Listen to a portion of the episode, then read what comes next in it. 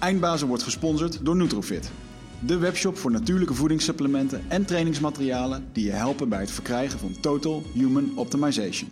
Nutrofit is hofleverancier van merken zoals Onnit, Natural Stacks en Bulletproof Coffee.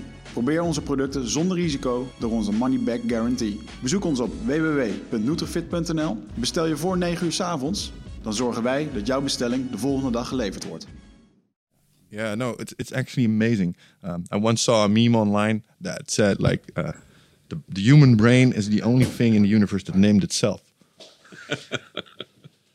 I like that idea. I like that idea. Yeah, Yeah, it is true though. I think it's. Uh, uh, we spoke to uh, people in that podcast that have the brain as a specialism, like neurologists, and one of the thing that, um, well, it's not freaking me out, but th- that that amazes me about it is, like you said, how little we actually understand about how it works, what it does, why it does what it does, and the mechanisms involved. And well, I don't know how you feel about free will, but these people keep telling me that there's um, a very limited margin for that. So uh, yeah, that's uh, that's something that keeps fascinating me. Do you have any particular feelings about that, by the way? No, no, I don't. Because it, 'cause it feels so much like you do have choice, right? Yeah, yeah. Well, I think the existential reality is that you have choices and then you experience the consequences of those choices. And that's the learning. So, Which is so you don't have free will, you have free choice. You know, so you're, you're, Yeah. you, you, you may not have, you may not have been, as far as you know, the author of your existence, but uh, you certainly are inside it and making choices, yeah. you know, for it. I think that's a very good distinction. You don't have free will, but you have free choice. Because what um, what people like Sam Harris have taught me is that um, the answers that come up to questions are not voluntary. Like if I ask you about name a city, you know a lot of cities, but there's just one you're going to pick. Um, but you could have chosen out of all these different types of cities. And I think that's uh, the part where you get uh, a choice. There's a couple of options that pop into your brain, and you get to pick from those. You don't get to pick which options you get presented, but you get to pick between the options the brain presents. Yeah, I think that's true. Yeah. And I think that's where, uh, for example, if you look at uh, getting things done, uh, why, why even though you may not have free will, it can help you uh, help because all of a sudden you have these options that you didn't have before. Like if you didn't know that in baskets is a good idea, and now you do know, now you have the choice. So yeah, I like that distinction, free choice. Yeah. All right, that's a very philosophical start to uh, uh, this this podcast. Yes, Right. but uh, welcome back. I should say. Uh, Thank you. Welcome back. Yes, Delighted this is to be back. Thanks round two. Yeah, yeah. with uh, Mr. David Allen. I'm older. You're older and wiser. yeah. Yeah, wiser. Yeah. Yeah. What, do you, what was the what's the best lesson you learned in those last three years? How did your life change after this podcast? Automatically, I suppose. you know, it fit, went to hell in a handbasket. You know what can I say? So, uh, no, it was fun. It was fun to do that, and interesting because you know I love the long form that you guys are doing because it'll allows us to hang and you know and develop and uncover and unpack. Yeah. yeah, it's great. Good Yeah. for you. I think that's the biggest uh, the biggest benefit of um, this type of conversation is that if, if I look at uh, the, sh- the shorter formats, is that you, you only take the, the, the default talking points. Uh, I- I don't know what the what the English words we have it. We call it stokpaardjes. Everybody has their their little talking points that they use all the time. You only get to scratch those a little. But I, yeah, the the fun part is if you go a little bit deeper and you look at the ideas behind concepts and uh, how they like you know came to be. Yeah. Like, like the last time I remember from the last conversation, what I found so interesting is that I I, I got a better grasp on where this uh, philosophy came from. Uh, talking about, for example, all the career moves you made, the stuff you encountered, and well, yeah, that's uh, that's a good way to do it. Yeah. Nice. Yeah. Uh, well, in, what have I learned in the last two years? I've learned to, to sort of tolerate the the fact that the body, you know, is probably not going to be immortal.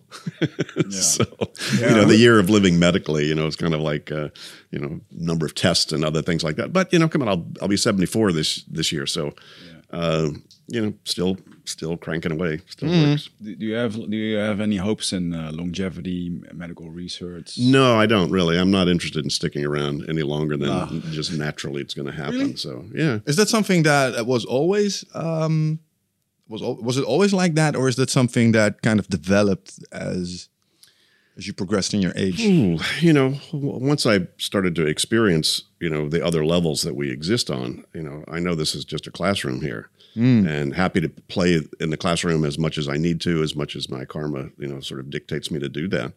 So, you know, I'm not interested in ending, you know, this existence, uh, other than just how it may show up naturally. But I'm certainly not interested in prolonging it, you know, Yeah. for, for any reason. But but I think that's mainly because there's a firm belief that, like you said, this is a classroom. Because there's pro in your mind, there's going to be an iteration behind this. Mm-hmm. Yeah, and if you're a, a- a firm believer in entropy, uh, then you could be a little bit scared for the end. But if you look at it like you do, we might actually. I don't want to say look forward to it, but at least not with an existential dread or something like that. Oh, sure. You know, I don't have time for existential dread. Thank you It's very very much. useless. Yeah, I don't know. Don't know that that does any good at all. yeah. So what, what have you been up to in the last two years? You know, a lot of of what's happened is because we now have partners that we've you know established around the world, and you know certified master trainers in these different regions to train the getting things done methodology as well mm-hmm. as to coach it, and you know helping those folks get traction is a lot of what I've been focused on. So you know, I was just in South Africa with our new partner there. Uh, I'll be in Prague with our partner there. I'll be in Moscow, you know, in, a, in three, four, five weeks. Um, I'll be in Virginia, uh, you know, so I'm still banging around out there. A lot of which is just to show up and sort of do the press and let people see that these are the people who have our imprimatur. Called Yeah. these are the folks that are doing it because there's so many pirates out there of GTD. You know, so um, you know, saying, "Hey, these guys have our have we I have their back," you know, essentially, because a lot of them are still fairly small in their own consulting or, or training uh, businesses, uh, but they're all very much in love with GTD and and and want to do that. So helping them uh, do all that that's a lot of a lot of what I've been doing, you know, and, and still traveling quite a bit to, Yeah. to, to support that. I have a question about that. That maybe taps into the the little topic we were talking about earlier. Like uh, this is a classroom and this iteration. Um, I think if you reflect on what you've done in this life, it's, you can't deny that there's a legacy. Um, if if you look around, it has it's gone global. It, it touched a lot of people. How does that feel? It feels great. Yeah. You know, I, I, I, I, am graced by all the powers that be to have, you know, been able to uncover something like that that does no harm, does nothing but but improve people's condition. Mm-hmm. Even if you just keep a pen and paper by your bed, you'll sleep better. So, you know, there's nothing, as we say, this is not running with scissors. There's, no, there's nothing dangerous about GTD and about what this is about. And anybody implements any of this, it will give them more sense of control, more stability, more clarity, more focus. And come on, those are golden goodies. Yep. You know, so yeah, so it's it's great. And you know, I guess I paid my dues. You know, I, it took a lot of years to sort of figure out what I wanted to do with my life. But um, you know, so having, I guess, the good graces to be able to do that, and and boy, you know, the legions of of testimonials of still coming in for people that this just changed their life Mm-hmm. for the better. Yeah, yeah, yeah, yeah. What I- what I especially liked was the quote from the last podcast where you said, "Well, guys, it's not rocket science, but you can use it to build rockets." Mm-hmm. And it's it's it's just, um, well, it's not. It's simple in the fact that it, it uses elegant principles, but you can use it to accomplish very complex things. Yeah, we use the image of an aperture and a camera that opens and closes based upon the light that, that you have. And mm-hmm. the, the, the getting things done methodology can become as complex as your life is to help simplify it, or it can shrink down to as simple as your life is. So it doesn't, it's not like any kind of a prescription that you have to then follow some sort of a prescribed structure. Mm-hmm. The structure itself is flexible enough to be able to map to whatever your life is. Mm-hmm. You know, I don't have nearly as many things on my list as there as I'd had 20 years ago, you know, in terms of stuff to do. Mm-hmm. I still got big projects, but you know, my system's you know, you know much simpler because my life is a bit simpler, Yeah. you know, than it was. Um, maybe interesting to look at. You said uh, I paid my dues, so um, the system arrived uh, of arised from a certain stress and issues you encountered yourself in in the work you did, um, like band aids to the problems you encountered, sort of. Um, still, looking back at at the way uh, they were, those moments were necessary to to learn these lessons. Still, if you look back, what might be things that you, uh, uh, knowing what you know now, might have done differently? Relax more. Yeah, I was thinking you know, that I would be was uh, something you know, like that. I think I did relax, but I felt guilty about relaxing. So you know now, you know, like I love to sleep as long as I can sleep. You know, I'm not a motivational speaker. I'm you know I, I love to take naps, and, and I used to think, well, I was just lazy. Now, given the cognitive science, we know that you actually need rest. You know that you need to be spontaneous. You need to daydream. You need to let your brain rest. Now it's like, okay, I'm sophisticated because uh, you know, Yeah, I, yeah. I, I just love to sleep. You know, long. That's the night before. I always look at my calendar and see what the hard landscape is for the next day, so I can see how long I can sleep in the morning. Yeah. And, uh, I happen to love it. That's great. What, what was one of very the motivations to develop uh, uh, the GTD system to to be super productive as a as a high achiever or a high performer? Not really. I mean, people can use it to do that. It certainly enhances, you know, all of those abilities uh, to be able to get more stuff done with less effort. Um, m- mine was just an interest in clear space. You know, I'm a freedom guy. It's like don't don't fence me in with distractions or worry or anything that that that is essentially unproductive use of your energy. So I love the I love the feeling of freedom. I love the feeling of that sort of clarity and clear space. So as um, my life got more complex, obviously it was pretty easy to screw up clear space. So that was a lot of my motivation was just uncovering stuff that allowed me to stay clear. So be in the world but not of it. So, you know, again, I was not into rice bowl and cave. You know, I was in much more into enjoying the good things of life, um, but not letting myself get too wrapped up in them. Yeah. And so being able to stay free of that and then being able to then pick and choose, you know, to me, that was my motivator. It wasn't like I was in trouble. I mean, you know, I had a mentor of mine that taught me the two, two critical elements of GTD, which is the, the mind sweep, getting stuff out of your head, and then deciding next actions on those things that have your attention. I didn't make that up. Dean did, uh, you know, my mentor. Uh, but once he walked me through that process, I went, "Oh my God! Yeah. You know how cool is that? You know, I, my life. You know, I was fine. I did. I had no idea uh, what clear space would it actually really feel like until I actually had that experience. Once I had that experience, I went, "Whoa, that is just so wicked cool!"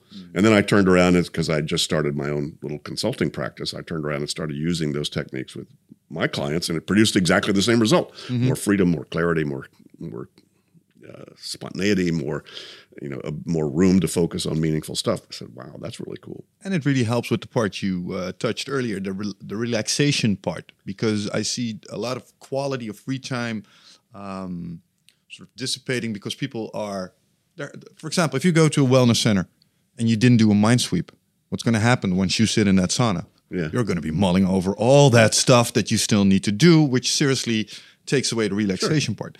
And what I liked about it is that um, I, I wrote down a quote from uh, Ready for Anything: is that your power is proportional to your ability to relax. So even if your goal is to be as productive as you can be, you need to understand that the rest is going to enable you to do more. And I, Sure. I think that's a switch that a lot of people have a hard time making because they feel, like you said, guilty about taking spare time. Well, a tense muscle is a slow one. So I learned this in the martial arts. You know, if you really, really want to focus, you need to be really relaxed. And so, you know, that uh, the ability to then be able to then uh, manifest a focus to a large degree is dependent upon your ability to relax. So, you know, if you look at Olympic athletes, you know, right before they go perform, what do you see them doing? Stretching, relaxing, breathing, right? Because that allows then you get more blood to the brain, you're, you're you're you're more functional or whatever. So there is a very direct relationship between relaxation and focus and and your ability to manifest power. So, you know, if I were sparring with you, I'd love nothing more than to get you upset Yeah. because then you're going to overreact, uh, you know, and then I they can fake you, and so you know, then I win. So so the the whole idea of being present, being present doesn't necessarily mean in some sartorial, you know, om some sort No, of no, no, no. state. You can be present running a four minute mile. You know, so you being present just allows you to be where you are and have your full attention where you want to put it. Yes. And that may look like a lot of different things, not necessarily quiet. Yeah, actually, I had a conversation about um, about that the other day with uh, Mark Tichelaar. He's all about attention spans and focus, and he, something he actually taught me was that um, sometimes what you need to do to focus is to fill your brain. We think we need to be all empty and one in the moment, but no. If you want to concentrate on something, sometimes you have an overcapacity. Your brain mm-hmm. thinks too fast, and that's why it gets distracted. And then you either need to up the pace just a little, just to make it uncomfortable, or you fill it with something else that's not distracting. Yeah. I was like, oh wow, you don't need to be quiet in order to focus. That was a eye opener for me. yeah, you know, Mark's smart guy. Oh, you know, Oh yeah. How, do, Yeah. how do you fill it with something that's not distracting? I like music Yeah. Ah, okay. Yeah, yeah, yeah. or visual stimuli. And some people actually need, uh, you know, one of the best practices of, you know, get, getting things done in GTD is a weekly review. So once a week, you need to step back and sort of bring up the rear guard, if you will, and close the loops and and and you know get clear about stuff that's shown up in the last few days. And some people can do that best in a very busy environment, like mm. going to a coffee shop in the morning, you know, mm-hmm. when lots of people, lots of things going on, because that then forces you to focus in a way. Yeah. You know, sometimes the the difficult thing would be to be in a totally quiet space because people complain. It's funny. People complain about 300 emails a day. You should listen to your own mind. Yeah. You know, Yeah, yeah, yeah, yeah. you know, how many thoughts are banging around in your brain? Out More than there? 300, I bet. I'll bet. You know, no kidding. So sometimes it is. It actually does help you focus uh, if there is uh enough stimulation around in your environment. Hmm. I think those that has a lot to do with your with people's individual neurology. Yeah. Yeah.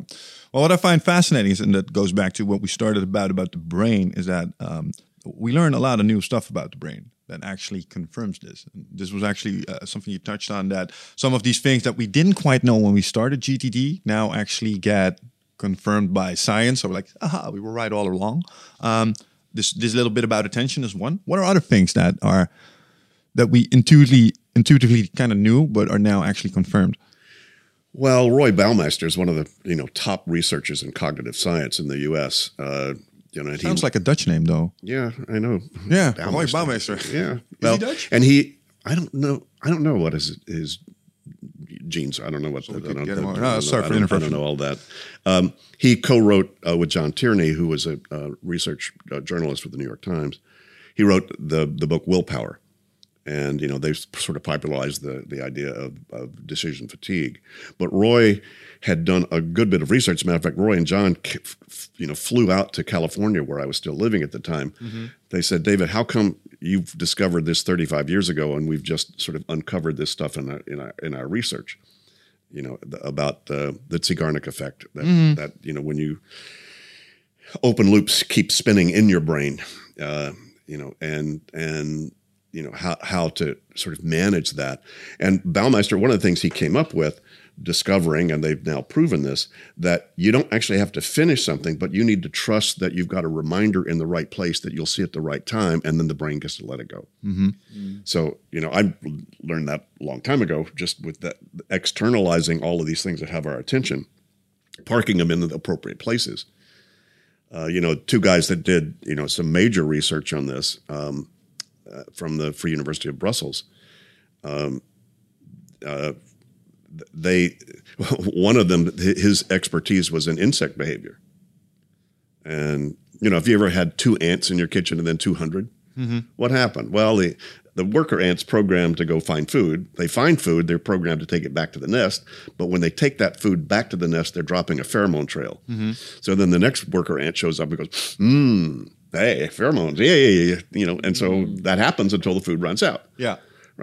So basically, the ant has no brain, has no memory, but it does some highly effective things because it's programmed to do those things at the right time. Mm-hmm. So, in a way, once you've gotten all this stuff out of your head, you've parked all the errands you need to run on an errands list, all the phone calls you need to make on a calls list, all the projects that you need to keep track of. You know, it, you loop back around and you see those things. You go, oh, okay, let me go do that. So you were smart at one time that then made a smart decision about stuff. So you didn't have to be that smart to do smart stuff. Yeah, and to complete the analogy, so what you're saying is by placing it on a list, you're basically like like the two worker ants. Yeah. and then the the, the brain kind of knows where to go, Loops back around. and then it starts working on it. Yeah. It looks at it, it can it kind of like, oh, let me go finish that. Let me Yeah. go do that. You actually yeah, yeah. love to accomplish. You love to do stuff like that, but you don't want to have to think too much. You need to have already thought. See, the smart people really realize you're only smart at random moments, Yeah, yeah, yeah. It's very selective. I've noticed. right? Are, are inspired. So when you are smart or inspired, get yourself to think and make the decisions you need to make about the things that have your attention. That's cognitive muscle that you need to train and mm-hmm. learn to use. Once you do that, though, you don't want to have to rethink that.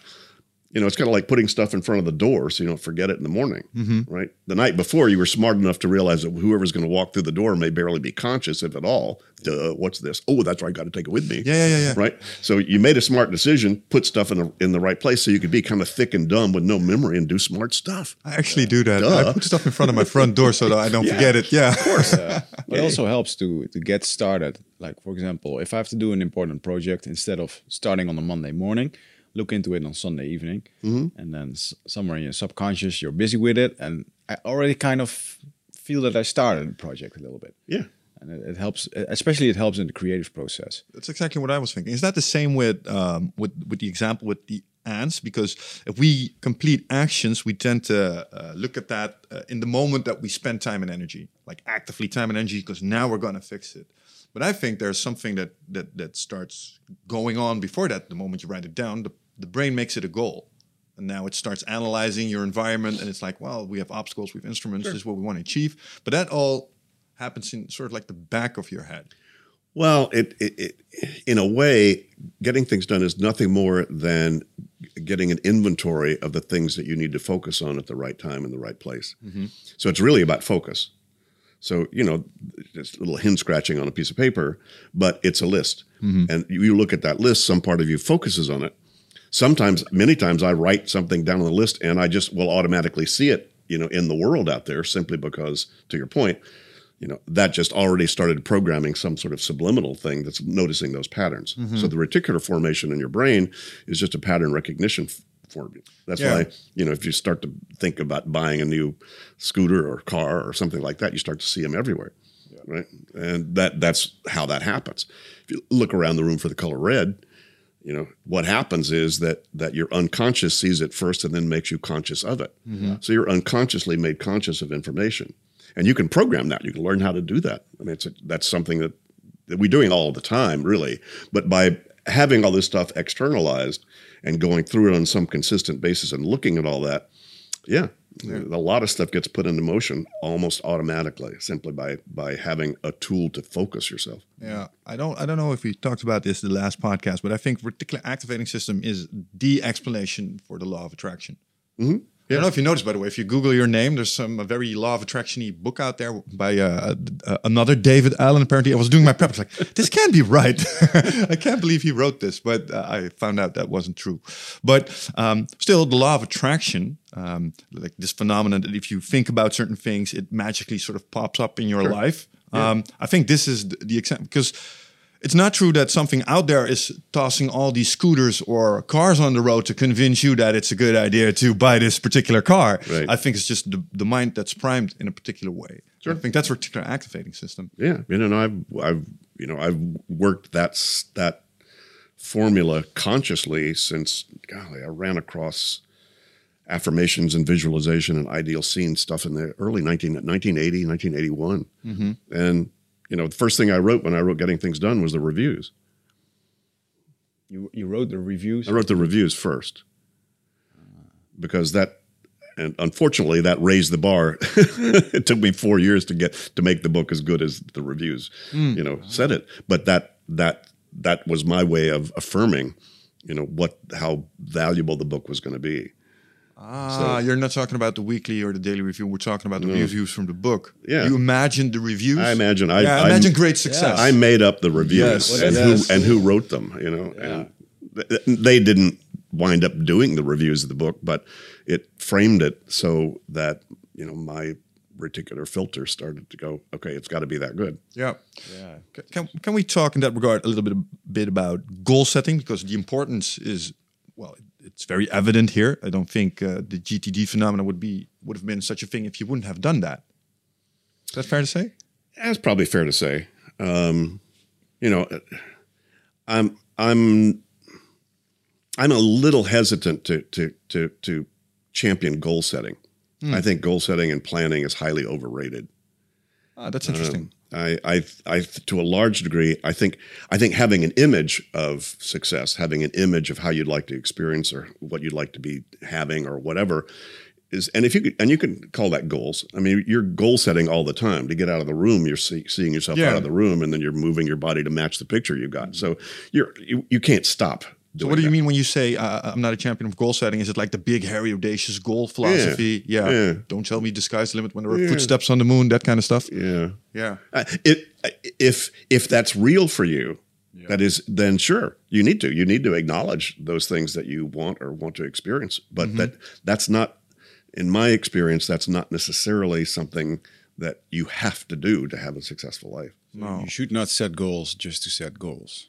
Like when you see yourself being on the stage with 600 people as a dream and you really feel it, that's the thing you have to go after. Yeah. Yeah. yeah. But you shouldn't uh, write up a goal to to earn 10 million Well, dollars. I think then uh, the, the, the, the want it. definition of a goal uh, is, is something that's used a little bit more more uh, freely. If you're if you don't want to feel as much stress as you do at your work right now because you work too much overtime, then you have a goal, Mm. namely make sure you spend your time better or uh, restore your work life balance. I think that's a goal as well. Sure.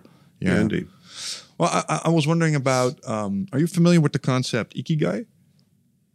This it's this Japanese concept that when you think about your life's goals, mission, vision, and purpose, that um, in the Western philosophy, it's all about. Um, well, it can be anything, but it's uh, usually a little self-centered as well. Like it's my life, my goals, the best version of myself. Whereas to ikigai focuses more on the value you can bring to others, because like well, you're a very fine example of this yourself. It feels a certain way to be touching people in a positive manner, and that motivates you to keep going and stuff like that. But never heard of that concept apparently. Yeah, no, I haven't haven't heard. I mean, I, I couldn't argue with that. I mean, I, I think that that's great stuff to do. You know, my philosophy has been, and my my approach has always been, and it's I think one of the unique things about GTD is that it starts with where you are, not with where you should be. Yeah, it's bottom up. So it's well, not necessarily bottom up. If where you are is top, then we start at top. In other words, if where you are is focused on your life purpose and your values, we'll start there. Go great. All right. You know, so it, it, it, oftentimes people misunderstand because, you know, if I ask most people to write down the first 20 things that have their attention, almost nobody writes down fulfilled destiny as human spirit on the planet. You know, they write down baby, babysitter, or I need tires on my car, or I need to hire a vice president of marketing, or you know, I got a tooth that's broken. Yeah. You know, because you know, if your day to day is out of control, don't try to give yourself anything bigger. You'll just create frustration and guilt. For not achieving Yeah. or moving towards those But what goals. Yeah. happens is if you get your day to day under control, it automatically gives you a grounded sense that allows you kind of to lift like a balloon into higher spaces in terms of your focus. So, um, again, you know, we start with where you are. If where you are is you're focused on your life purpose or what you, you know, what do you, what do you want to do? Is like, great. You know, what's the final outcome that you're after and what's the next action? So we're still going to bring it down to the reality of, okay, uh, so what are you going to do about that? But it'll start with wherever you are. Yeah. Starting point is important though. Yeah, I always like the runway analogy. Like uh, people usually, when they do uh, like uh, leadership and uh, goal setting, they're they're thinking about the tropical island that they want to go to. But like the runway is full of junk, so your plane actually can't take off. Right. Because yeah, I, I always that drove Or maybe you took off, but you can't land because you got no landing gear. Yeah, yeah. You know, so, and we're all out of parachutes. yeah. So, so you just mentioned the word decision fatigueness. Mm-hmm. Explain that to me. Well, it takes energy to make decisions. You know, it's a, it's a cognitive muscle you actually uh, have to work. And Baumeister and Tierney in, the, in their book, they I don't I don't know I don't remember exactly the the the, the amounts, but there's only a certain amount of the day, a certain number of hours you can actually think Yeah. uh, and still function really well. I think it was about four hours. You know, if you sat down and tried to write, you know, a chapter of a book, about four hours is about all you're going to have. Yeah, You know, yeah. M- I don't Mark, know what your experience, you know, with that would be, but No, Mark's kind of scolded me on that one. I had a focus week a couple of weeks back, and I said, "Yeah, I was writing eight to twelve hours a day." He's like, "Wow, you wasted six hours. That's great." I'm like, "Hmm." and he's right. But yeah, I think that's true. Four hours max productivity a day. yeah, thinking's hard. Thinking's hard. Very few people think. Most people react, but they don't think. Mm-hmm. You know, thinking is you, you actually have to think to think.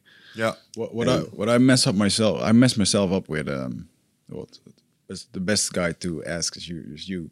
Um, planning and creative blocks to write my book. Getting here in the office, all fresh up, nothing to do, just writing, sitting here, and then the inspiration doesn't come. Yeah. How to how to handle because Well, I, I, think, I, you know, I, I'm I, I think it was Picasso that said inspiration is for amateurs. Yeah. It's called butt in chair, boot computer, hit friggin' key. Just hit the Yeah. keys, Right? yeah. Get going. You Yeah, know, yeah, don't yeah, wait to be inspired. You Steven just, Pressfield, just yeah. do the work. Yeah, well, sometimes I sit feels here for um, uh, my my focus span. I think my focus span is about three to four hours when I'm really into it, mm-hmm. and I just go after it, and I feel when the when the tank is empty uh, pretty well. But sometimes in that last half hour of those three hours, that's the where the the real magic happens. That's Yeah. when the Right? muse Yeah, enters. the muse enters. Yeah, Steven Pressfield called it. that Yeah. well. You, you ever wrote his, uh, his work? Uh, Yeah, The yeah, no, no, I know yeah. Steven. Yeah, he's a good guy. And um, um, sometimes I get, I can get upset with myself not being productive for four hours, having you know written what I want, or and um, yeah, it's uh, I try to figure out whether am I a good writer. Sometimes I sit here and I think, oh, I hate this, you know. Sometimes I write it and I'm really enthusiastic about Yeah. it. And No, I, I'm I'm I'm the I'm the same way. I love to have written, yeah, Yeah. yeah, yeah, yeah, yeah, yeah. but writing writing is a bitch because you have to think. yeah. You know, you're you're having to make decisions. What word do I use? What do, phrase do I use? How do I do that? And it matters so much. It does. Yes. It's huge. You know, one of the things that I did, I don't know if this, if you can relate to this at all, but you know, when I first wrote the first edition of Getting Things Done, they had a copy editor that went through the all the text, mm-hmm. and I thought, oh my god, they're going to are they going to screw up my language? Are they going to? And it, just the opposite. As I say, it was it was almost like they gave it a bath Yeah. they they took a sentence that I used 25 words and they said it in 14 and it was actually Yeah. the way I would have said it you know had I done that so what I did was I took the whole copy edited version and I retyped the whole book with their copy edits so it would train me to how to think like a copy editor Oh, wow. Yeah. really really helped Yeah, for, for me, a writing course really helped. Like with my first draft, I went to a writer school here in Amsterdam, and um, basically I sent it out. They were like, uh, "Do you have any writing experience?" Like, "Yeah, I wrote blogs and stuff. Like, we got our own podcast." They're like, "Now, do you really have experience in writing?" No, I'll send you the first chapter, the first edit of my book. And uh, I got an email back, and they're like, "Well, we can't even allow you to the course because you need to be able to write first. I'm like, "What do you mean? I want to learn to write." and then after after being thirty, uh, they w- they would let me enter, and, and and then I really found out like, wow, yeah, uh, you know, I was just writing up my thoughts instead of showing the conversations that people are having. That people can have their own imagination, and writing is an art, but I I love it every week more. The more that I do it, the better I get at it, and yeah, That's a it's skill. It's a powerful tool, yeah. it is yeah Um, and it, and it really fo- it, it trains me to uh, to practice this this yeah the focus focus state definitely. Uh, but um, I, I do battle my inner critic a lot. Yeah, it's confronting. But but that that phenomenon that you described that in the last thirty minutes, uh, the good stuff happens. uh like that. Do you believe in the muse? Like that concept that that uh, if you sit down and you do the work, eventually the good stuff will come up. Even I, I don't I don't need to externalize it as an entity, but the phenomenon in itself, because I think it's true.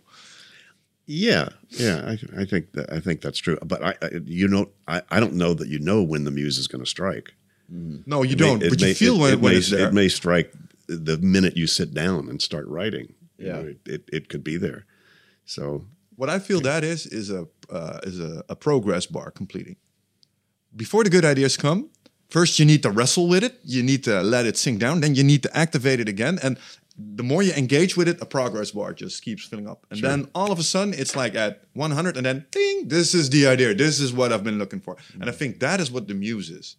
The, the completion of that particular process, which you can have on all several ideas. And sometimes the progress bar uh, jumps to 100 right in the morning because you did some thinking during the night in your subconscious, and then Yeah. it just starts flowing out. Well, they I do know that's what it now that you know there have been a number of studies you know that show that that sleeping on things you know is is very important to get to come up with innovative solutions to stuff. But you have to have the intention to solve it. Yeah. Oh, So you you actually need to say I need the answer to this thing. So you need to have an intention for a solution or for an idea for whatever, and then sleep on it. Because then apparently sleeping allows you to then bypass your your conscious conditioning, and it allows you to make connections that you wouldn't make otherwise. Yeah. So they they know that now, and I think uh, Theo Compernolle's book Brain Chains, you know, Theo's book work, as well as Baumeister. I, th- I don't- I can't remember which one of them, you know, uh, uh, quoted those studies, uh, but very interesting that they have actually found that you, you come up with better solutions if you sleep on it.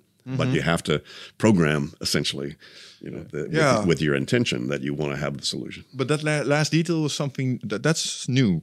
I didn't know that. I knew that you could probably solve problems in your unconscious when you're slept, but I didn't know you need to have the attention. But then again, the prime example that I know and use is like from programming. Yeah. Like if you're, I used to be an IT guy and you, you're programming something and it doesn't work and ah, frustrated, you go to bed and then the next morning it's so clear. It's right over there, deadline. You Forgot Right. something. But yeah, but then you have the intention right before you go to bed because it was the last thing you were doing. Yeah. Yeah, Cal Newport I wrote a book, Deep Work. Have you read it as well? It's taken longer. Uh, he's basically he's describing to take. I read uh, about it. I didn't read the book. Yeah, it's, it's it's definitely uh, I like it a lot to, to to keep focus, keep away from distractions. So if you have a problem, you just sit in a room, stare at the blank wall, and just think about the problem for an hour. If you're in that car, don't listen to music, but think about your problem. And he's all about uh, deep work blocks, um, getting into this creative state more more yeah more easily. But there's a big part of it, uh, preparing it and just Yeah. overthinking it. And I, I used to be just sitting at my laptop and just, okay, now I'm going to write, and you know, now just I take, I take a piece of paper and just start planning it. And yeah, it's more of a should have done that before that. yeah. Well, I, f- I think it's my way of writing a book, and I think it's f- different for everyone. I mean, I mean, we've had people in podcast here who write bestsellers within two weeks. They just go on a holiday for two weeks. They type a book and they they They go home. they, Yeah. they go home. Uh, I'm like, what do you have that I don't have? They're different. You know? Yeah. So, um, is that does that, that does that have to do with different neurology, brain? I don't know. No, but I think it's true that if you want true, um, like that deep work, it's basically about flow states, I guess. To get to get into a state of flow, which is like a special mind state. Mm-hmm. It's something you can measure, and, and it really helps. Um, the way I learned it is that the, the moment you want to go into that uh, deep work state, you want to assemble, and you don't want to be busy. Like for example, if you want to make a report and you still have to ask the numbers from the sales guys, you can't get into flow because not all the prerequisites are there. Yeah. And it's very important to make sure you have these in advance. Uh, yeah. So you can actually, if you have to go to your email inbox to find something you need for the project you're working on, you want to concentrate on, Sure. you're screwed. Well, it's the it's the French chef's mise en place. You know, before you before you start, you have everything that you're going to need. yeah. So you have, you know, my experience is you're most creative when you have the freedom to make a mess. But if you're in a mess, you can't make one. So oh. so you need to clean house so that you have the freedom to make a mess. Mm-hmm. That means you need to have a blank sheet in front of you to have to, the freedom to write a crappy first draft. You know, because editing is really where the art is. So giving yourself permission to write a really bad first draft and then go back and edit. From my experience, that's and, and that's why word processors were such were such a game changer because you know your your mind likes to have ideas, then later on figure out what to do with them. Yeah. So the freedom to just start writing and then come back and then edit. Thank God for Microsoft Word. you know. That's so interesting you said that because um, now I completely get why word processors were a thing. When I was a kid, my dad was enthused about Word 2.1. He's like, "This is amazing." I was like, "When do we get to play games? I don't get it. Why is this so?" But I never realized because he was he was a cop and he Yeah. had to make a lot of reports. But they used to do that on typewriters. I remember that they had typewriters. I, I get to go to the police uh, station every now and then, get to sit in the jail, play with the computers they had back then. But they did typewriting. And you can't edit in that way. I never Man, realized you that. know, you guys aren't old enough to remember erase tape, but I guarantee you that The uh, uh, you have little tape. Yeah. You, you make Oh, a yeah. mistake. You have to then put the tape in and hit that the key that you, that was the wrong key, so that No, then it erases this. it. No. Oh, well, I do remember Tipp-Ex, which was Yeah. like cover over stick. But yeah, believe me, you know that before you have an idea, damn well better be a good one. And it's like that's Yeah. so constipating for your thinking process. Wow. You know, oh, it's awful. still there were monks copying the Bible by hand, by hand, yeah. or actually writing books by hand. it makes me realize how impatient we have become. Because it's I, I can't imagine doing uh, writing a book like I do now if I had to go about it that way. Like not too much. Yeah, but it, it will it will be the only option. It will be the only option you have. You can compare it now with what you have, what you've experienced. So if that's true, if that's true. will, if you know this is the is a Yeah. reality as well, you have to go back to typewriters. You wouldn't yeah. it. But I mean, imagine imagine when they got the first typewriter, they were like, "Oh shit, Yeah. this is convenient." Really. Even if you type it wrong, you can put the sticker finger on it. you know, yeah, it's different. It's true. It's true. Hmm. Yeah. Well, well, talking about that, uh, like uh, the impact uh, of technology. Um, one of the things that um, getting things done has uh, managed to do is uh, spawn a lot of apps that support it. Um, how do you feel about um, getting things done and the carrier of the system? Because I used to be a digital guy. I love these apps. I think I tried them all bef- until a couple of years back, but then I switched back to paper because I think this works way better for me. It, it fits my uh, my brain better. But do you have a, a preference in that? So where uh, the way you you Yeah. implement it? for me personally, I like I love the digital world because of the, how many connections you can make and how many things you can tie together, you know, and cut and paste and and link and so forth. So I I I'm kind of an end user nerd.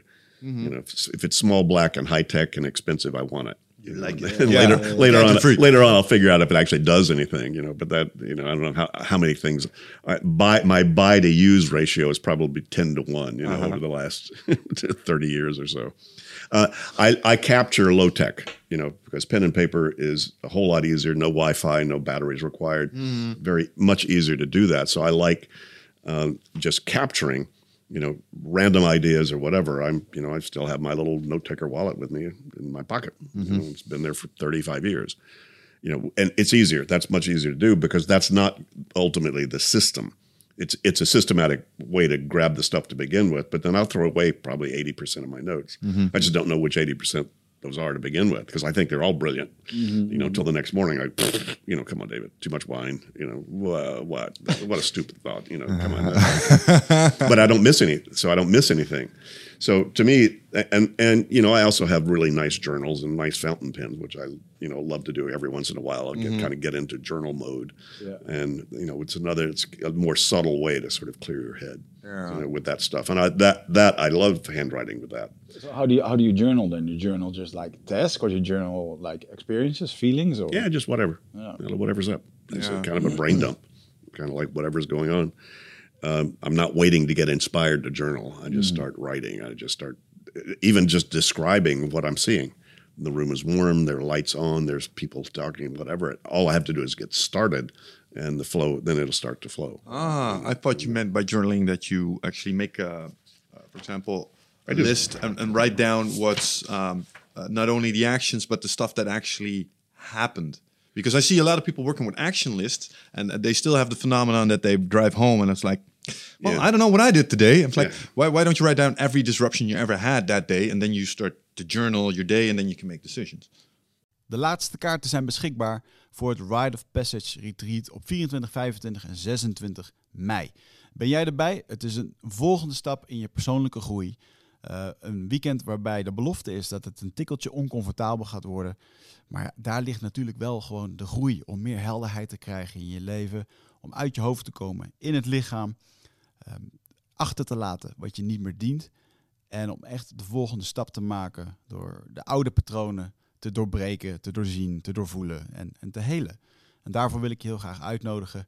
Eh, en ik hoop dat jij een van die laatste bent die nog aansluit bij het Rite of Passage Retreat. Ga naar wichertmeerman.nl, klik op Retreat en ik zie je daar. but that's Yeah. something else. This is something else. Uh, mostly, my journaling is more just a meditative exercise. Uh, I, I'm not capturing reminders or to dos or whatever. That goes into my system. What's the benefit for you to do this? Just seems to. It's kind of like uh, clearing cobwebs, you know, out of out of out of my brain and out of my psyche. Sort of like mental stretching. Yeah, Yeah. yeah, yeah, exactly that. And I don't do it all the time. You know, I go through periods where I haven't journaled, you know, for months, and then I'll go through, you know, sort of clean out my fountain pens and, you know, crank them up again, and you know, and I'll spend two or three weeks, you know, and and and I'll be journaling. Oftentimes, that's how I'll start my meditation is by journaling because that just tend, tends to clear the deck and allows me to, you know, sort of focus more on the in, on the inner, on the inner world, and you know, but and so but my my gtd system i still have lists and I, that's in the digital form. Because you know i've got a great program that uh, my cto for 15 years designed that, that sits on top of notes uh, ibm notes. And that's that does something that you know no matter all those other apps out there uh, can't do what it does. Um, you know, if I write you an email, I've got a little radio button that goes waiting for it, automatically throws it on my waiting for list, automatically puts your name on it, automatically date stamps it. You can't, you, you, there's nothing out there that does that. You, it's not, wouldn't be hard to design that, but, Why don't you release that yourself? you know, I've tried twice uh, in my, you know, career to uh, work on whether or not we could build a real GTD app. Uh-huh. Um, they're all just list managers, frankly. Yeah. but um, and and neither one of them worked. They were both quite instructive in terms of what we learned about that. But uh, this is the first iteration was back in the mid '90s, kind of in the high tech, you know, glory days of San Francisco, and you know, uh, and we built a, an app. Uh, it was called Actioneer, uh, and it was very cool. But unfortunately, Microsoft Outlook started to take wind the the desktop, and Palm the Palm Pilot showed up, and so there were a lot of other tools that were showing up out there, and there wasn't, you know, the, the amount of programming that it would take. If I said, you know, uh, Michelle, I need to call Michelle by Friday, right? Where would you what would you do with that? I need to call him by Friday. By Friday. So it would go on my calls list with a due date, and it would also show up on the calendar on Friday. Call, hey, called Michelle yet, dude? Question mark. You know. Yeah. So, but the, just the programming that would have taken to to do that in a calendar, just would take would have taken much many more you know hundreds of thousands of dollars of programming time Yeah, yeah, yeah. that we didn't have back then. So uh, there was a lot of the sophistication that if you were really going to do a true system, the system would have to include calendar, email, everything else, as opposed to yeah. right now it's still pretty labor intensive for all of us. To, Mm-hmm. you, you gotta you gotta cut and paste. Let me.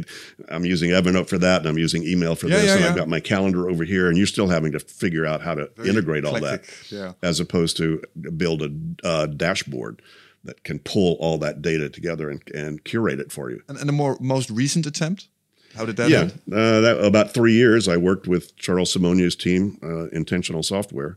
Charles built Word and Excel and Microsoft Office. I mean, these are smart guys. Yeah. And uh, we spent about three years taking a look at the methodology that he had come up with, uh, which was pretty sophisticated. But it included, it really was about taking a whole data set uh, in one database and then letting you then program how you wanted to see and manipulate that data. So Yeah. you could sort of bypass programmers and let you see it. So they, they you know, developed quite a bit of, of technology around that. And they thought, we thought, well, maybe that, that could be the, the, the source or the seat of uh, perhaps a really GTD, you know. Uh, Yeah. And it, the technology just wasn't there, nor the market. Sounds like uh, something that was only for power users if you approach it that way. Yeah, and and it, see, it needed to be bi-directional. You're not going to give up Dropbox or Evernote or uh, Outlook or any of those things. You, No, no, you- no. What what you're going to do is you wanted something that would integrate that data from it, but it needs to be bi-directional. You know, so you pull it up the raw data out of Evernote. You need to be able to then, if you change it, then on your dashboard, it needs to be able to go back into that program. Yeah. And the legal issues and, and the tech issues and all and the and the financial issues of just trying to make that. And that's just one app. I can imagine, you know, all the, the plethora of stuff out there that everybody's And got. how, how many t- how many years ago was this last attempt? Because it lasted three years, but it it was pretty much um, we ended that right about when I moved to Amsterdam. So that was that's like five years ago. So there was three years before that. Yeah. and yeah, we, and very smart people, man. Uh, you know, Branch Hendrick, who was the uh, he was the sort of project lead on their end that worked very closely with me. And Branch, he he had been head of robotics strategy for Microsoft. Yeah. this guy was not dumb, and he spent six months looking at every single app out there, and you know, and unpacking it to see what what was missing, you know, and you know, he he did an ama- amazing amount of research. So anyway, so it was a big research project. yeah, Like, I good, get it. Good to know. I mean, ultimately, guys, you know, you want to be able to walk into the room and say David Allen, and suddenly I show up in a hologram, and then anything that you've ever se- seen or thought about me, you could see that attached to it. You could then walk over and and say, oh, here's what it is, and here's what we want to talk about, and you know, how many things could we add value to right now if you just put it in front of your face, Yep. Mm-hmm. right? And if you had all of those things, see where technology is going is decision support. Yeah. Like, what do you what what should you look at before you talk to me or before your next podcast? You know, what do you need to see? What are the potentially relevant things? You know, Or that when that should might, you do it? Yeah, that might make might make a difference. That would add value to it. Hmm. So, you know, before you go home on the weekend or whatever, what do I want to see about my daughter or my niece's birthday coming up? Where you know, come on, guys, how much data is is out there that then if you put the right stuff in front of your face at the right time, you could add value to that Yeah. right? So that to me is where the future, the digital future, is is is going to go. It would be fascinating to, to read uh, the findings of that report, the, the analysis of the apps. Because I thought about what, what would uh, the, the perfect time management, getting things done app look like as well. Um, the main thing uh, that used to be a problem is actually quite manageable now, uh, and that's the interfaces. Because you're right, I'm not going to leave Dropbox, I'm not going to leave Gmail, I'm not, I'm not going to do that. But if we manage to interface with that, with a layer above that, that kind of pulls out and inputs all these things, I think if you focus on uh, like the three, four biggest players, then you got 80% of the world population. And if you manage those guys as sort of an interface, uh, then you can actually manage to, to like sort in that uh, top layer uh, enforce the methodology. You shouldn't try to make an app that does all these things that all these specialized apps do. You should find a way to tie them all together. Sure. With, a, with a special, yeah. So, Yeah. very- so, so I was very how many attorneys are you going to have to have to get those APIs all set up? You know, come on. Yeah, well, um, actually, I don't know if that would be such a problem because I think a lot of these companies understand that they uh, are like Dropbox. They understand they're a part of a bigger process and that people use all kinds of apps to interface with them to do whatever they want to do better. Like, for example, a great task manager that does this excellently is Asana. Has interfaces with like every uh, calendar app imaginable. They focus on integration. So maybe that um, five years ago that used to be an issue. Nowadays, uh, software developers get a little more, and they have these default ports on their software that allows you to talk to them. But then again, I've not looked into this, and I think you have, so it might be more complicated than No, that. I, I, no, you you you may be ahead of me. I, I just kind of gave it up. Yeah. you know, because uh, it, it was nobody was actually coming up with anything other than the list managers. Uh-huh. And nobody had gone beyond that. And there are a lot of good list managers out there, a lot of different bells and whistles in them. Do you remember what the main thing uh, was that was missing from that report?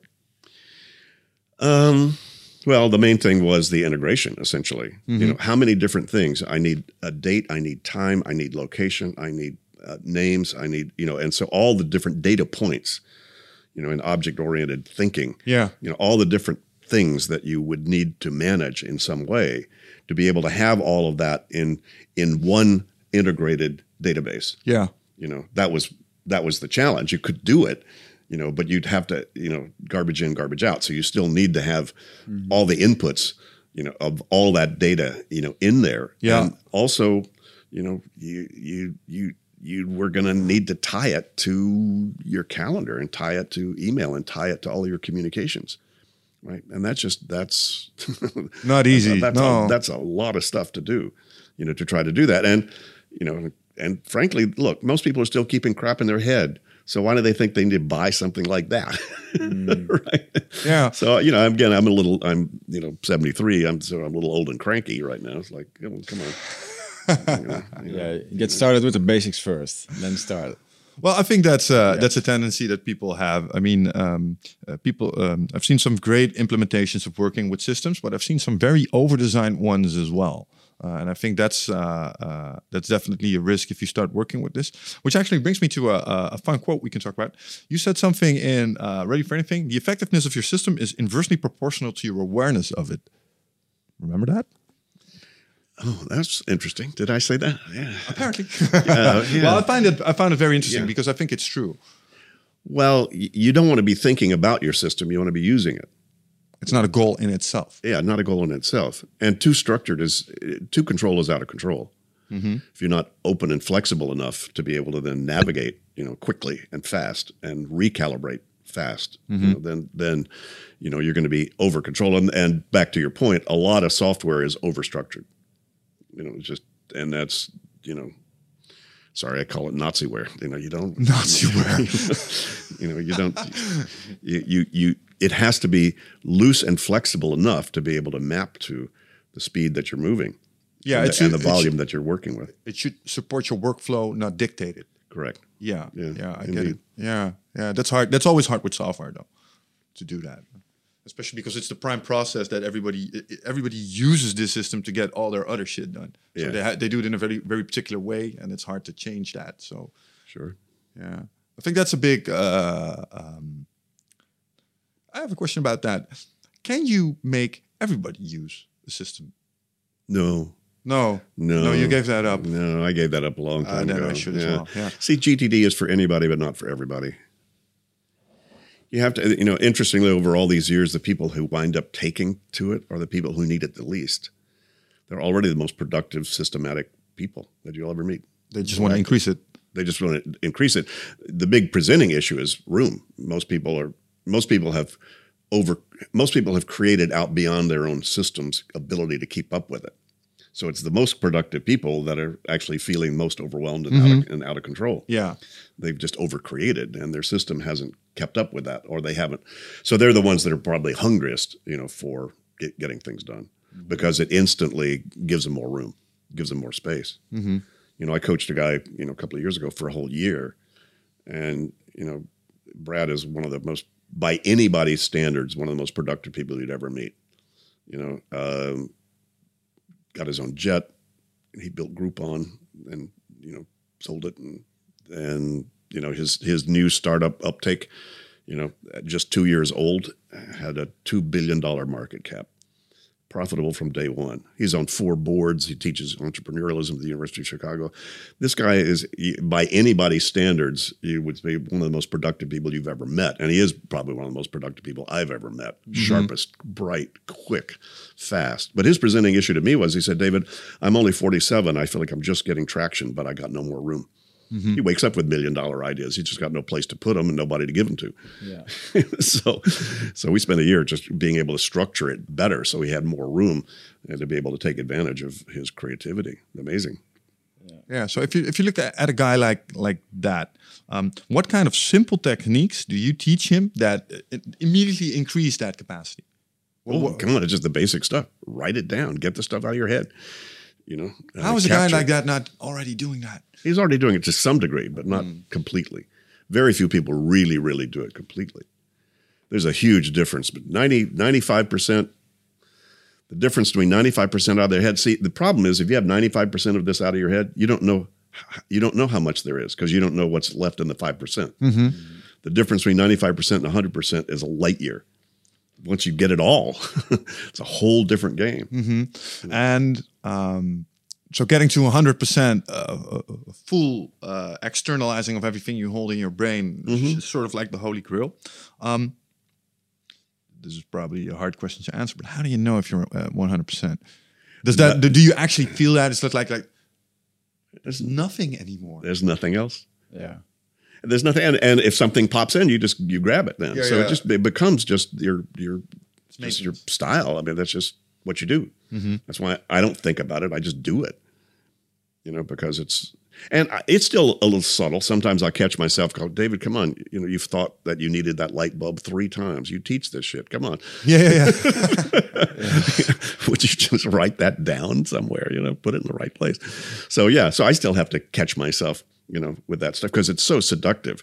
When you're thinking of it, it seems so obvious. You're sure you'll never forget it, and then Yeah. two minutes later, the next obvious thing you're sure you won't forget. You forgot. You forgot the first thing.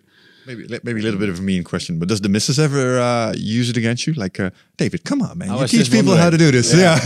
You Why wrote- is this not fixed a yet? I think you wrote a nice book about it. Uh, but she, well, she and I will grab each other's notebook because she carries one too many times, and I'll write down something for her. I said, Catherine, you want me to write that down? She said, Yeah, that'd be great, David. So I'll write it down and throw a little piece of paper in her in basket, or she'll do the same same, same for me. So yeah, part of our lifestyle. Yep. Yeah. Well, I think it's great if you uh, if you have similar philosophies on this. I mean, imagine uh, how it would be like if you wouldn't have any of this. That could be a big frustration. Well, it's funny. You know, I, I got a couple of staff people whose who their, their life partner doesn't do any of this, Mm. and they just tolerate. They just they just have to manage around it. You know, so It forth. becomes a desired outcome in yeah. itself. Yeah. But Catherine, you know, Catherine took a seminar of mine 35 years ago, and she's been doing this, you know, ever since.